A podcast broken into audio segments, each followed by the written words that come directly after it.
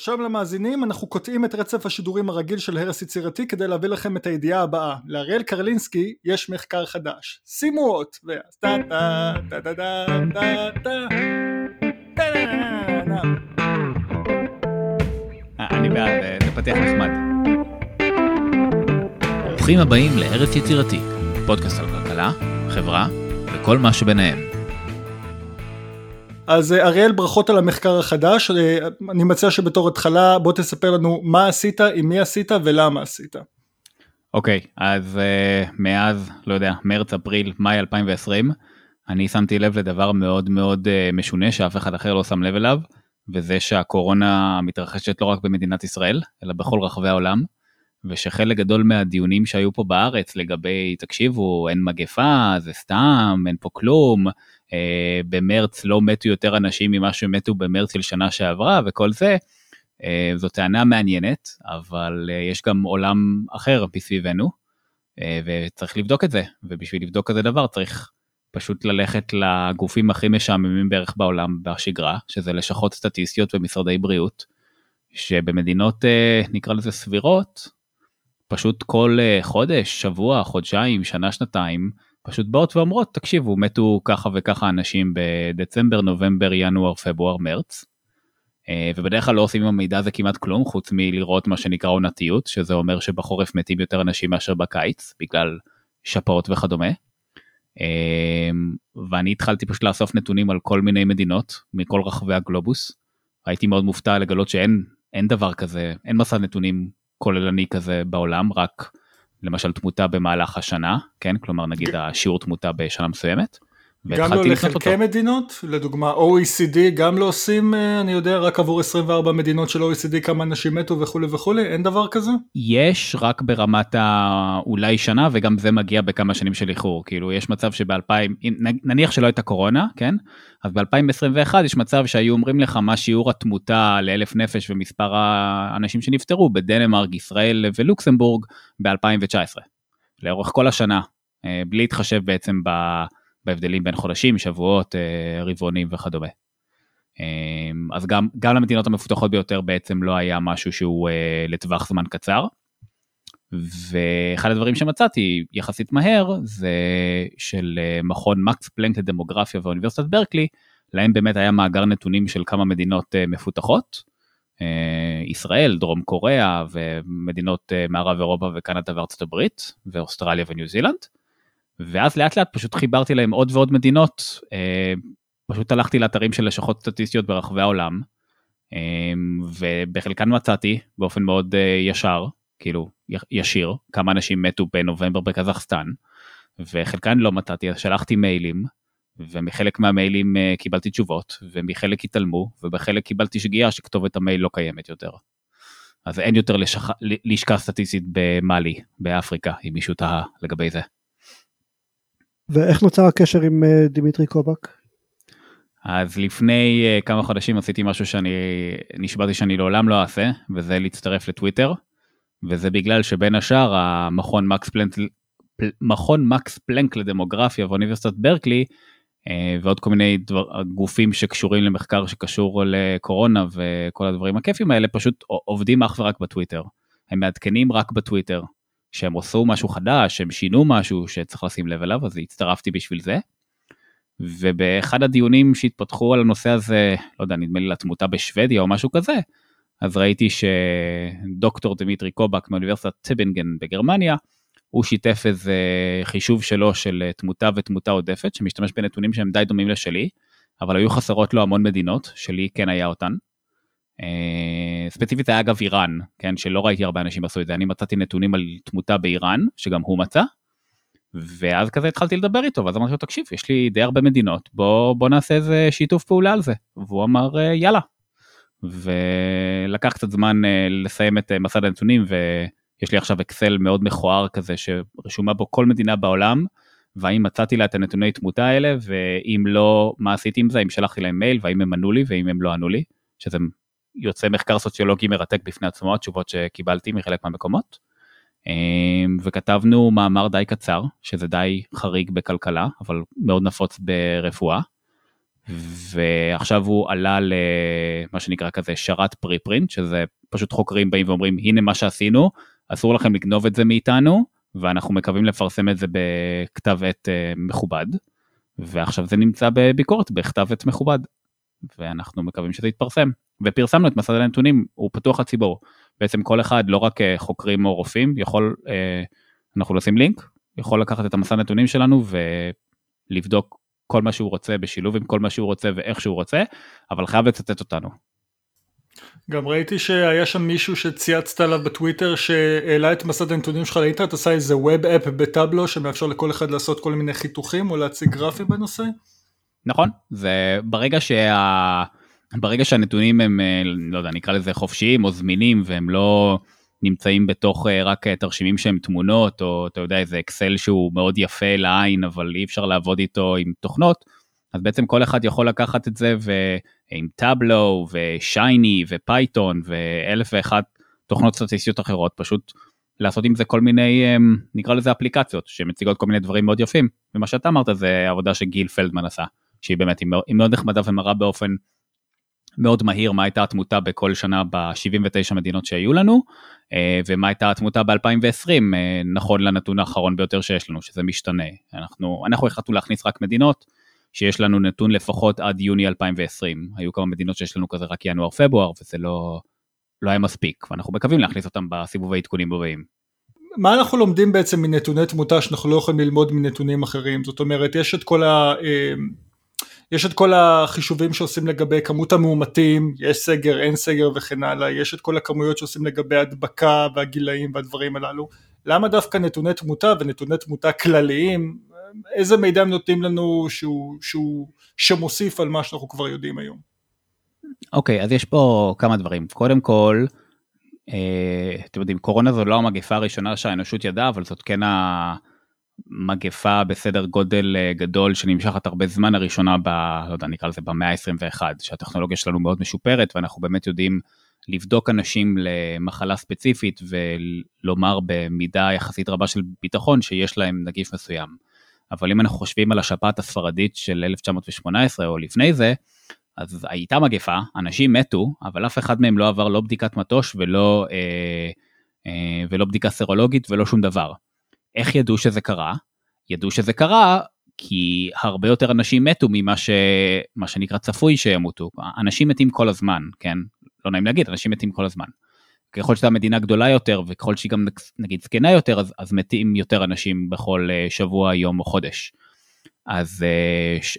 איך יודעים למשל כמה אנשים מתו מהשפעת הספרדית אז, אז דרך המדד הזה של תמותה עודפת כלומר הסתכלו כמה אנשים אה, צפינו או חזינו שהיו אמורים למות ב-1918 בהיעדר אה, מגפות, מלחמות ואם הכל הוא סביר, ורואים כמה אנשים מתו בפועל, ועושים זה פחות זה, וזה האומדן שלנו בעצם לכמה אנשים מתו משפעת ספרדית. ויש איזשהו קיזוז לכמות האוכלוסייה? זאת אומרת אם האוכלוסייה גדלה יותר בשנה מסוימת אז יש איזשהו קיזוז לעלייה בגודל? יש אינסוף דרכים לעשות את זה כי, כי זה כן אה, מערב פה איזשהו ניחוש, זה כמו אם אתה, זה כמו מעין הימור אובר אנדר כזה, כן? כי אם אתה, אם אתה מהמר, שנגיד יש משחק בין ברצלונה למכבי חיפה, ואתה חושב שברצלונה הולכת לנצח, אבל בסדר, זה הימור יחסית קל, שאתה לא תקבל עליו גם הרבה כסף אם תנצח בו. אבל אתה כן יכול להמר האם, האם ברצלונה תנצח ב-2-0, 3-0 או 5-2. אז אם אתה מהמר נגיד 2-0 ובסוף ברצלונה מנצחת ב-7-0, אז זה פלוס 5 לעומת התחזית שלך. וכמו שכולנו יודעים, תחזית היא אף פעם לא דבר מדויק, אז יש לה מה שנקרא גם אה, רווח סמך וכל מיני דברים של סטטיסטיקאים, בשביל שאם יהיה הבדל באמת של, אה, אתם יודעים, צפינו שימותו נגיד 100 אנשים היום ומתו 105, אנחנו כנראה לא נגיד שזה וואו איזושהי מגפה, כי זה לא הבדל שהוא מאוד גדול, אה, מה שנקרא מובהק סטטיסטית.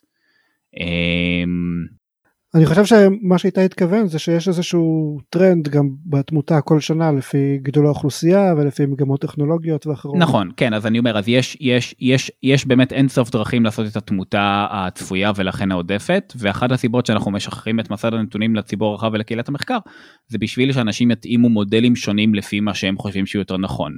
המודל שלנו, אה, המודל היחסית מאוד פשטני שלנו, הוא כן מתחשב בזה, בזה שהוא מסתכל על התנועה על פני זמן של, ה, של התמותה עצמה. אז סתם נגיד לצורך דוגמה, אנחנו רואים על פני שנים בארצות הברית בחמש השנים האחרונות שבכל שנה כל שבוע מתים עוד קצת יותר אנשים ממה שמתו שנה לפני כן שזה בגלל שהאוכלוסייה שם מזדקנת. אמ, מצד שני ברוסיה למשל שזה קצת הפתיע אותנו אז אנחנו רואים שבשנים האחרונות התמותה שם דווקא בירידה. כן אז uh, המודל שלנו עושה איזשהו תיקון לדבר הזה. אחת הדרכים לדעתי אבל להגיד האם יש תמותה עודפת או לא תמותה עודפת זה האם החישוב שלה הוא בלתי תלוי או מה שאנחנו קוראים לו רובסטי להגדרה הזאת של המודל. כלומר זה לא ששוב זה לא שהמודל אומר 105 ואז אנחנו ראינו 106 ואז בסדר. אם מודל אחר היה אומר 107 אז זה לא, זה לא תמותה עודפת, אבל התנועות שאנחנו רואים, בעיקר במקומות שנפגעו מאוד מאוד קשה, שזה מערב אירופה במרץ-אפריל, ומזרח אירופה בספטמבר, אוקטובר, נובמבר, דצמבר, אה, ישראל באוקטובר וישראל כנראה גם בינואר, זה פשוט, זה לא משנה באיזה מודל תעשה, וזה לא משנה אם תגיד, לא, השנה היו צריכים למות עוד 200 אה, אנשים, 300 אנשים, להתחשב בגידול אוכלוסייה, להתחשב בזה, אה, זה פשוט לא רלוונטי. כלומר זה ישנה אולי קצת את המספר מ-5,000 ל-4,800 אבל זה לא ישנה את המהות. אני ראיתי שגם בדרום אמריקה יש פגיעה מאוד משמעותית לפי הנתונים שלכם. דרום אמריקה זה סיפור מאוד עצוב אה, והאמת שאחד המקומות הראשונים שהלכו לנושא הזה של תמותה עודפת מתוך זה שבאיזשהו מקום אני אהיה קצת לא פוליטיקלי קורקט כן אמ, אז קורונה קורית במאה ה-21 במערב שבו אנחנו יודעים לנטר דברים ויש לנו יחסית הרבה יכולת בדיקה אבל תיזכרו בוויכוחים שהיו פה בתחילת הקורונה שלא בודקים מספיק ואין לנו מספיק בדיקות והמוסד הולך להביא מטושים. אז בדרום אמריקה במדינות כמו מקסיקו הם סוג של מראש אמרו את זה שפשוט אין להם אין להם יכולת לבדוק אין להם יכולת לנטר פשוט אין להם יכולת לבדוק מספיק אנשים ולסווג אותם. אז המשרד הבריאות המקסיקני הוא זה ששחרר uh, באופן יחסית חופשי לציבור ולחוקרים שם נתונים של תמותה כללית בין 2015 ל-2018 ותמותה מכל הסיבות ב-2020 וזה במשך הרבה זמן היה המדד שבעצם הם הלכו עליו הם אפילו לא הם, הם מדי פעם היו מזכירים בחדשות כמה אנשים נפטרו מקורונה באופן רשמי אבל מה שהם יותר היו מדברים עליו זה כמה אנשים נפטרו הש, השבוע חודש יותר מאשר החודש, אה, החודש המקביל בשנה שעברה. והמספרים שם, שם הם באמת עצומים. בפרו נגיד זה נראה, היו הרבה אנשים שאמרו את זה שזה נראה כמו הנחש שאכל את הפיל בנסיך הקטן. זה כלומר יש פה איזושהי עלייה והיא ממשיכה להיות מאוד מאוד גבוהה ואז גם כשזה יורד התמותה השבועית היא פשוט ממשיכה להיות בכמה עשרות אחוזים מעל. לפי החישוב האחרון שלנו בפרו מתו אם אני זוכר נכון 75 אחוז יותר אנשים מאשר הצפוי, שזה כמעט הכפלה, כן? אז אם בשנה נתונה מתים בפרו 45 אלף איש, מתו 90 אלף. שזה זה, זה, זה, זה מטורף לחלוטין, כן? בישראל המספר הוא בערך 7 אחוזים, לפי החישוב שלנו. כן, זה באמת די מטורף. אני גם חושב שדרום אמריקה היא קצת יוצאת דופן, במובן שמצד אחד זה מדינות מתפתחות, הרבה מהן, אבל מצד שני יש להם מוסדות מתפקדים, לא כמו באפריקה או במקומות מסוימים באסיה, ולכן הם יכולים למדוד את הדברים האלה, ו... אנחנו רואים בעצם את התוצאות שבאפריקה אנחנו בכלל לא מסוגלים לראות. כן וגם זה למעשה מקומות נגיד כמו פרו ואקוודור שהם סוג של לא נעים להגיד כן בחזית של הנושא הזה הם ממש מעדכנים אה, תמותה ברמה כמעט יומית. אני עושה לזה איזשהו שקלול כי לפעמים מדווחים סתם אני אומר ביום האחרון מתו 50 איש אבל זה רק בגלל שהדיווח חסר. ואז כשאתה מסתכל שבוע אחר כך אתה רואה שבעצם באותו יום מתו 800 אנשים כן? אז יש אה, הסתכלות על הדברים האלה, זה בגלל רפורמות שהם עשו שם בכל הנושא של אה, רישום אה, רכוש ואזרחים ותעודות זהות ולידות ותמותה, שהם עשו ממש בכמה שנים האחרונות בלי שום קשר לשום מגפה, כן? כלומר, פשוט בעניין של, לא יודע, אפשר לקרוא לזה משילות, אפשר לקרוא לזה תשתיות. זה, זה סיפור מאוד ידוע, כל הקטע הזה שבפרו חלק גדול נגיד מהרכוש הוא לא רשום בשום מקום ואנשים הם לא רשומים, אז הם עשו שם רפורמה מאוד גדולה, ועכשיו עם הקורונה זה... אמ, אפשר בעצם להשתמש במשהו שלא נוצר בכלל בשביל המטרה הזאת, בשביל המטרה הזאת של ניטור המגפה והבנת ההיקף, ה... נקרא לזה האמיתי והלא מדווח שלה. כן יש חריגים בדרום אמריקה, כן אז אורוגוואי זו מדינה שאנחנו לא שומעים עליה הרבה, אבל היא, היא כנראה נקטה במה שנקרא אסטרטגיה של אפס קורונה, מהר מאוד עשתה סגר די קשוח ומנעה כניסה אליה מכל העולם. נדמה לי שהם עדיין מונעים כניסה, ולפחות הם כל כמה זמן מעדכנים את מי, מי לא יכול להגיע אליהם, ושם אנחנו רואים אפילו תת תמותה, כן? שזה דומה למה שקורה בניו זילנד ואוסטרליה, שעל ניו זילנד ואוסטרליה כל העולם ואחותו אומר בסדר הניו זילנדים הם אנשים נורא נחמדים ומתוקים ויש להם תשתיות מתקדמות וזה. אבל אורוגוואי אני לא חושב שמישהו היה חושב שהם איזושהי מדינה סופר uh, מפותחת שיכולה להתמודד עם סגר. אבל זה כן קרה. אז uh, דרום אמריקה היא כרגע המדינה האזור עם הכי הרבה תמותה שאנחנו רואים למרות שמזרח אירופה נותן לה fight רציני. זה הגיע כל הסיפור של הקורונה הגיע למזרח אירופה הרבה יותר מאוחר באזור ספטמבר אוקטובר לא היה שם גל ראשון בעצם באיזשהו מקום. אבל המעט נתונים שיש לנו מאפריקה כרגע יש לנו רק את אה, דרום אפריקה מצרים ומאוריציוס הם מראים שבאפריקה המצב יש מצב שהוא הרבה הרבה יותר גרוע ממה שאנחנו חושבים שזה מסתדר גם עם זה שהיכולות ניטור שם הן נמוכות אבל האם אפשר להשליך ממה שקורה במצרים ומדרום אפריקה למדינות אחרות? אני לא יודע, אבל זה המדינות היחידות שיש לי נתונים. מדינות אחרות, או שאין, לכם, או שאין להן בכלל לשכות סטטיסטיות פעילות, או שהם פשוט אמרו לי שאין להם. הייתה לי תגובה אחת קצת קורעת לב מליבריה, שהנציג שם ענה לי, כמו שאתה בוודאי יודע, לרשום אה, תמותה של אנשים זה מאוד קשה במדינה מתפתחת. ואנחנו מקווים אה, מתישהו בעתיד אה, שיהיה לנו, שאנחנו נוכל לעשות את זה באופן אה, יחסית טוב, אבל כרגע פשוט אין לנו, אין לנו את הנתונים, אולי עוד כמה שנים הם ידעו מה קרה ב-2020. מה לגבי מקרים שבהם התמותה, בוא נגיד בשנים האחרונות או, בש, או בשנת 2020 היא אה, נובעת מסיבות אחרות שהן לא קורונה ומסיבות ייחודיות. ראיתי במחקר שלכם שאתם מתייחסים לדוגמה למלחמה בין אזרבייג'אן לבין ארמניה, ששם היו אה, חללים שניתן להסביר אותם בצורה שהיא, אה, שהיא שונה משנים קודמות ושהיא לא קשורה לקורונה.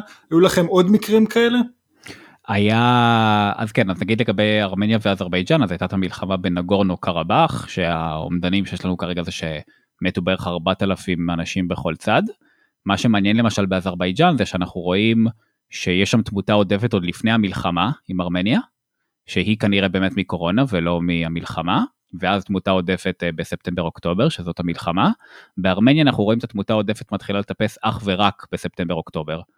אה, אז זה, זה, זה קצת שאלה באמת האם זה גם המלחמה או רק המלחמה יכול להיות שאפילו יש לנו כזה ממצא מעניין אחר של אה, אומדן מהימן יותר לכמות ההרוגים למשל בארמניה.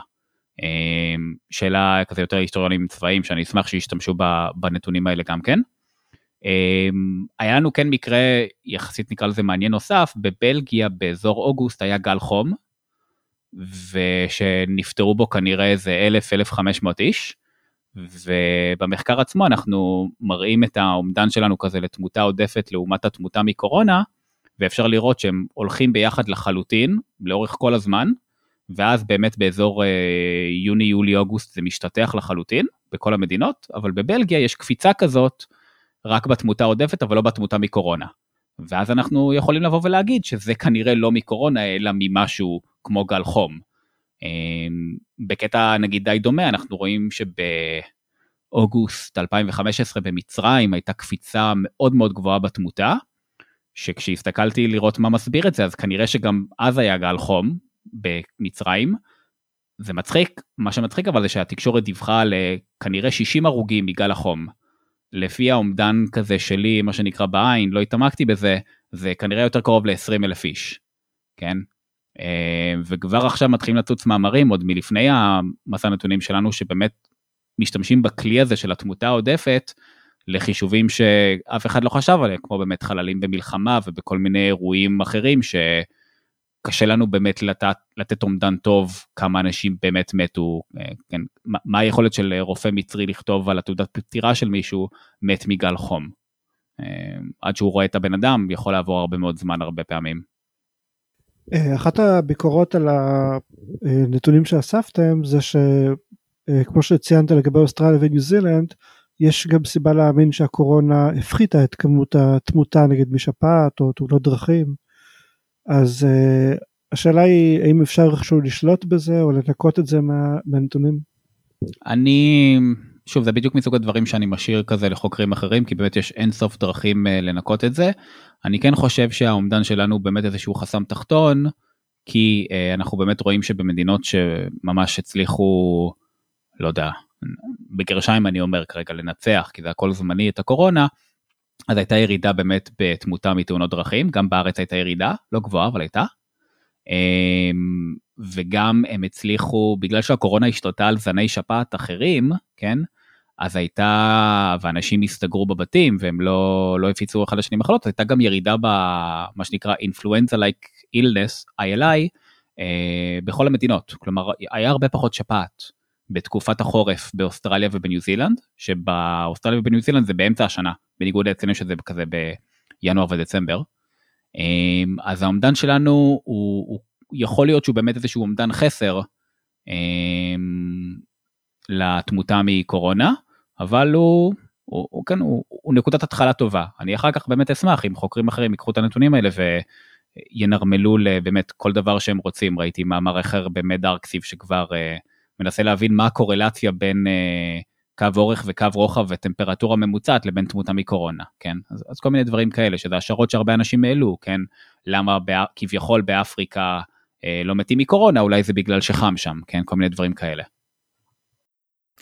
אני גם נוסף, נוסף שחשבתי זה מקרה פשע כי אה, יש מדינות עם אה, שיעור אה, רצח מאוד מאוד גבוה הזכרת את מקסיקו אז מקסיקו שם יש להם איזה 30-35 אלף נרצחים בשנה ברזיל גם נמצאת בראש הרשימה ואחד הדברים שאני חושב לגבי רציחות זה ש...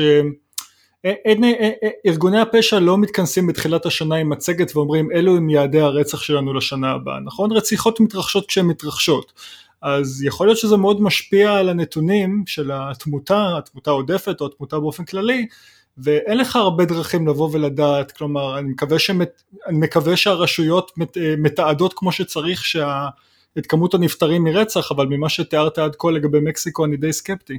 אז, אז זה תלוי במדינה, אה, מקסיקו אם אני זוכר נכון באמת אין להם את הסיווג הזה, כלומר יש להם רק אה, סך תמותה. Uh, בקולומביה ובדרום אפריקה כן יש להם, כלומר זה באמת מדינות שמתאפיינות באלימות uh, מאוד גבוהה יחסית, אז uh, כל שבוע, כל חודש, כל נתון שיש להם, אז הם אומרים כמה אנשים מתו מ-natural causes וכמה אנשים מתו מ-violent, מ-violence וכמה אנשים מתו מלא ידוע, שזה בדרך כלל מעט מאוד.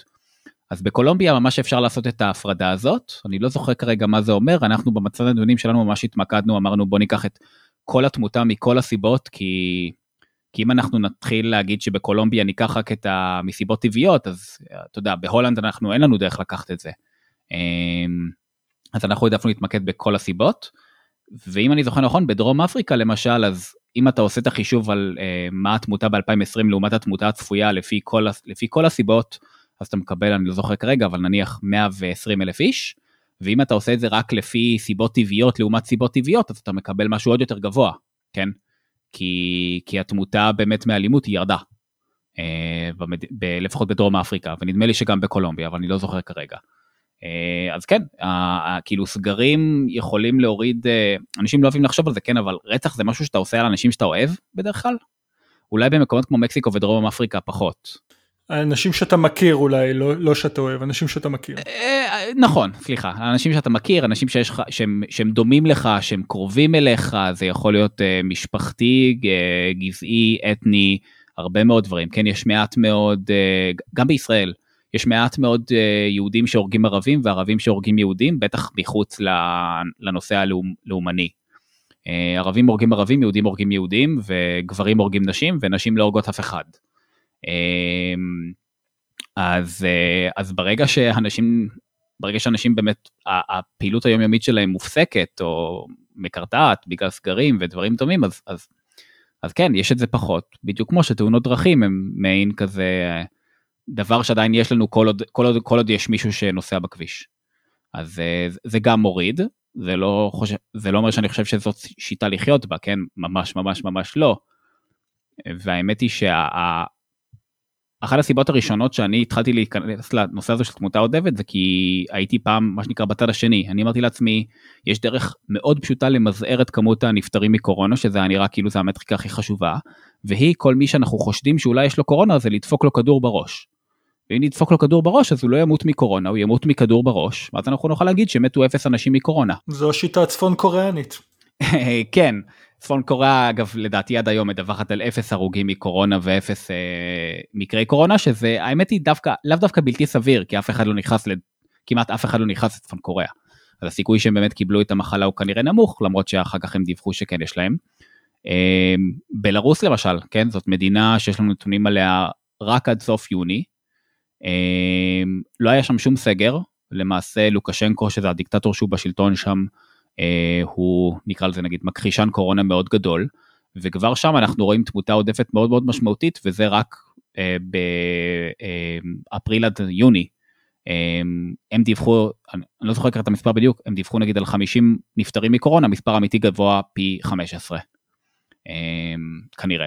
ושם אין שום סיכוי שיש את כל הסיפור הזה שאנשים תמיד אומרים כביקורת, ואני מזמין אותם להשתמש בנתונים שלנו בשביל לבדוק את זה, של uh, אתה לא מתחשב בזה שהסגר עצמו הורג, כן? כלומר אבטלה הורגת, ועוני הורג, ובדידות הורגת, שזה דברים שאני עקרונית מסכים איתם, אבל הם הורגים בטווח זמן מאוד מאוד ארוך ואוכלוסיות מאוד מאוד ספציפיות. זה לא, בטח לא קורה תוך אה, חודש, חודשיים, שבוע, שבועיים.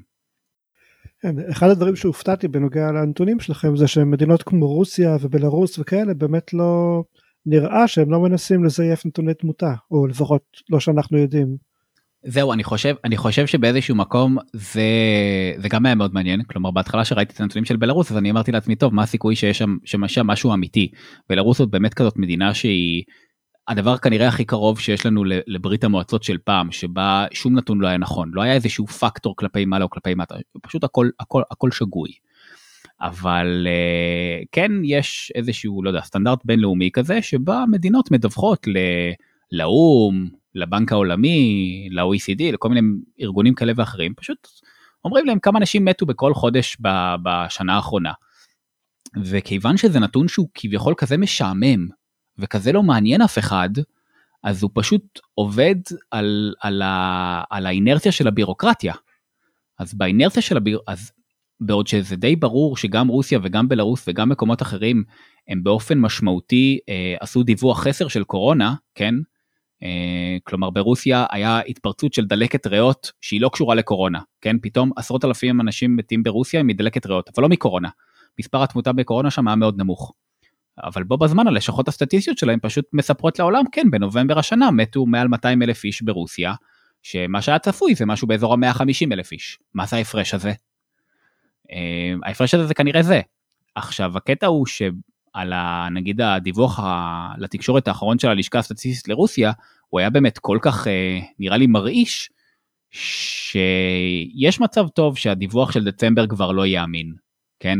כלומר אני באמת, אני, אני מאוד סקרן לראות איך ייראו הדיווחים של המדינות האלה מעכשיו, עכשיו שהן יודעות שגם על נתונים האלה שהם כביכול נורא משעממים ואין דרך לעשות להם מניפולציה, אה, שמים עליהם זרקור.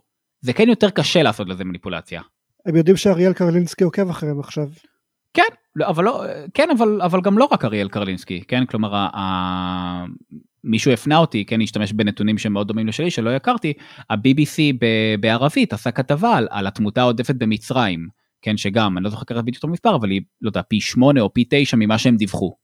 אמ, ובאמת בכמה חודשים האחרונים הלשכה הסטטיסטית של מצרים כבר לא מעדכנת נתונים, ואני לא יודע אם זה בגלל שמישהו שם בוחש. אני, אני אה, בטוח שזה בגלל שמישהו שם בוחש וזה אחלה איבנט סטאדי לראות מתי פתאום התקשורת שמה לב לנתונים ומה קורה לשחוט על המס מיד לאחר מכן אה, אה, במדינות האלה. אני מסכים זה מאוד מאוד מעניין. אני לא כזה בטוח שמישהו שם בוחש כן? כלומר זה כן נראה בוא נגיד האתר של הלשכה הסטטיסטית של מצרים הוא גרוע בהרבה מהאתר של הלשכה הסטטיסטית של ישראל והכל שם פשוט נורא איטי ולא עובד כמו שצריך ניסיתי להירשם לאתר, אתה אמור להירשם בשביל לקבל כל מיני עדכונים, זה פשוט לא עובד. אמ, אז יש לזה גם הסבר של, לא יודע, אינקומפטנס מסוים, אני לא יודע. אבל זה לגמרי יכול להיות ש... ש... שהם דיווחו יחסית באופן אמין עד תאריך מסוים, ואז ברגע שהם שמים לב ששמים לב לזה, הם כבר לא מדווחים את זה. אנחנו יודעים את זה הרי מהרבה מחקרים בפיננסים, שיש כל מיני דברים שהחברות מדווחות, כי הן פשוט חייבות לדווח והכל בסדר, ואף אחד לא שם לב בכלל, אז הוא לא מנסה לזייף. אבל ברגע שמבינים שמשקיעים נורא מסתכלים על הנתון הזה או הזה או הרשות הרגולטוריות, אז פתאום מתחילים uh, לעשות עם זה כל מיני מוניפולציות. אז כן, זה יהיה נורא מעניין, וגם את זה יהיה אפשר בעצם לבדוק עם המסע נתונים שלנו. גם יהיה אפשר לראות אם אנשים מרמים, כלומר זה יהיה מאוד ברור בנתונים אם איזשהו אה, מדינה פתאום מתחילה לשנות את הטרנד בצורה דרמטית.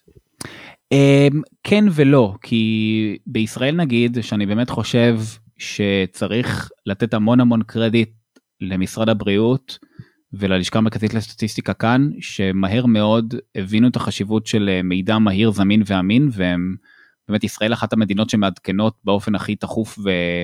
ואמין מה, מהניסיון שלי, ואני באמת יצא להתעסק עם נתונים מ, מעשרות מדינות כבר, מכל רחבי העולם.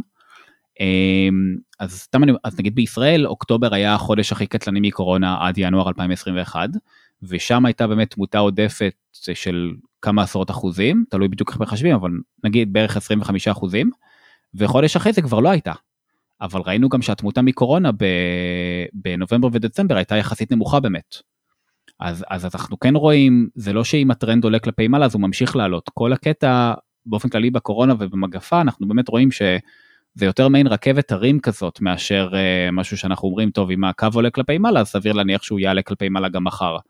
אז יכול להיות שבבלארוס באמת ביולי אז לא הייתה תמותה עודפת. זה, זה אפשרי. אז זה כן יהיה קצת קשה לבדוק, לבדוק את זה, אבל זה אפשרי. ושוב, הנתונים שלנו זה בדיוק מה שיאפשר לעשות את הבדיקה הזאת במקום אנשים כמו אבישי מתיה ואחרים שראיתי עכשיו שהם החליטו שמה שצריך לעשות נגד הקורונה זה המודל הבלארוסי. שהמודל הבלארוסי אומר אין מסכות ומדווחים על חמישה נפטרים בחודש. כן, שזה זה כאילו, אין לי כבר מילים.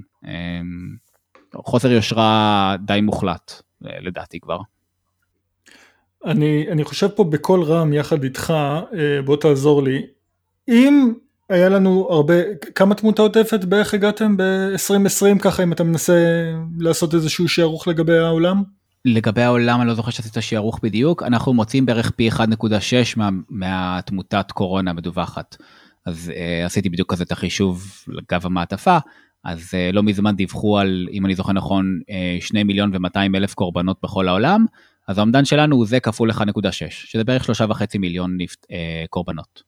אוקיי, אז בערך שלושה, שלושה וחצי מיליון קורבנות, מן הסתם רובם הם, הם בגילאים, בגילאים הגבוהים, מעל גיל 60 אני מניח, אנחנו, זה לא מופיע במידע שלכם, אז אנחנו יכולים אולי לנהל איזושהי תחזית ל-2021 ולהגיד שהתמותה תהיה לא רק נמוכה יותר מ-2020 בגלל החיסונים, אלא גם נמוכה יותר מ-2019, מכיוון שהיה לנו רצף מאוד מאוד גדול של אנשים בגילאים מבוגרים שהלכו ב-2020? זה דרך נכונה לחשוב על זה? זו שאלה מאוד מעניינת, והמסע נתונים שלנו, כן, המגפה לא נגמרה ב-31 לדצמבר 2020, וכמו שאני כבר אמרתי בכל מיני מקומות, אני, אני לצערי די בטוח שינואר 2021 יהיה החודש הקטלני ביותר בהיסטוריה של ישראל, מבחינת כמות נפטרים. אמ, אז המסע נתונים שלנו ממשיך לעקוב אחרי הנושאים האלה גם ב-2021. ועקרונית מה שיכולת לחשוב, אני מנסה לחשוב איך אני מנסח בראש את המעין מודל הכלכלני הקר והמנוכר בנושא הזה, אבל אה, כן, יכול להיות שמישהו היה אמור, אה, כן, למות בפברואר 2021, והקורונה הכריעה אותו פשוט בנובמבר 2020. ואז בפברואר 2021 אתה תראה באמת מעין הסתה כזאת. אמ, זאת אפשרות תיאורטית, וזה היה הרבה זמן אחד הטיעונים של, נקרא לזה כרגע, לא יודע, מתנגדי קורונה או משהו בסגנון, למרות שאני חושב שאני זה שמתנגד לקורונה, כן? אמ, שבשוודיה ובמקומות אחרים אתה פשוט רואה הסתה של התמותה, אתה לא באמת רואה תמותה עודפת. אז מה שנקרא... מה זה הסתה של התמותה? גם במלחמת העולם השנייה הייתה הסתה של התמותה, אנשים מתו במלחמת העולם השנייה. יפה. לא נכון, אבל במלחמת העולם השנייה מתו צעירים שלא היו מתים נכון, שנה אחרי. וזה הסתה של לא- התמותה 30 שנה. כאילו זה דבילי. לא- לא, זה לא כזה, שוב, זה לא כזה, זה לא כזה דבילי, כי שוב, כמו שאמרתי, אם אנחנו ניקח את אה, אסטרטגיית הכדור בראש, כן, אז במקום לחכות שאתה יודע, אני, אני לוקח סטריאוטיפ קר ומנוכר.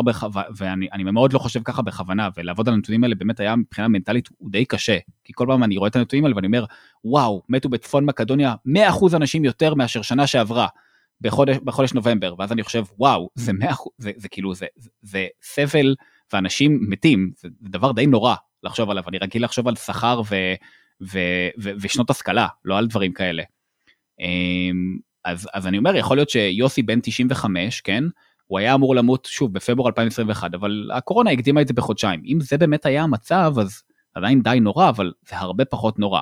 זה עדיין הרבה פחות נורא באמת ממלחמות, כי כמו שאיתי אמר, במלחמות מתים אנשים מאוד מאוד צעירים, ואז אתה רואה באמת גם צניחה בתוחלת החיים.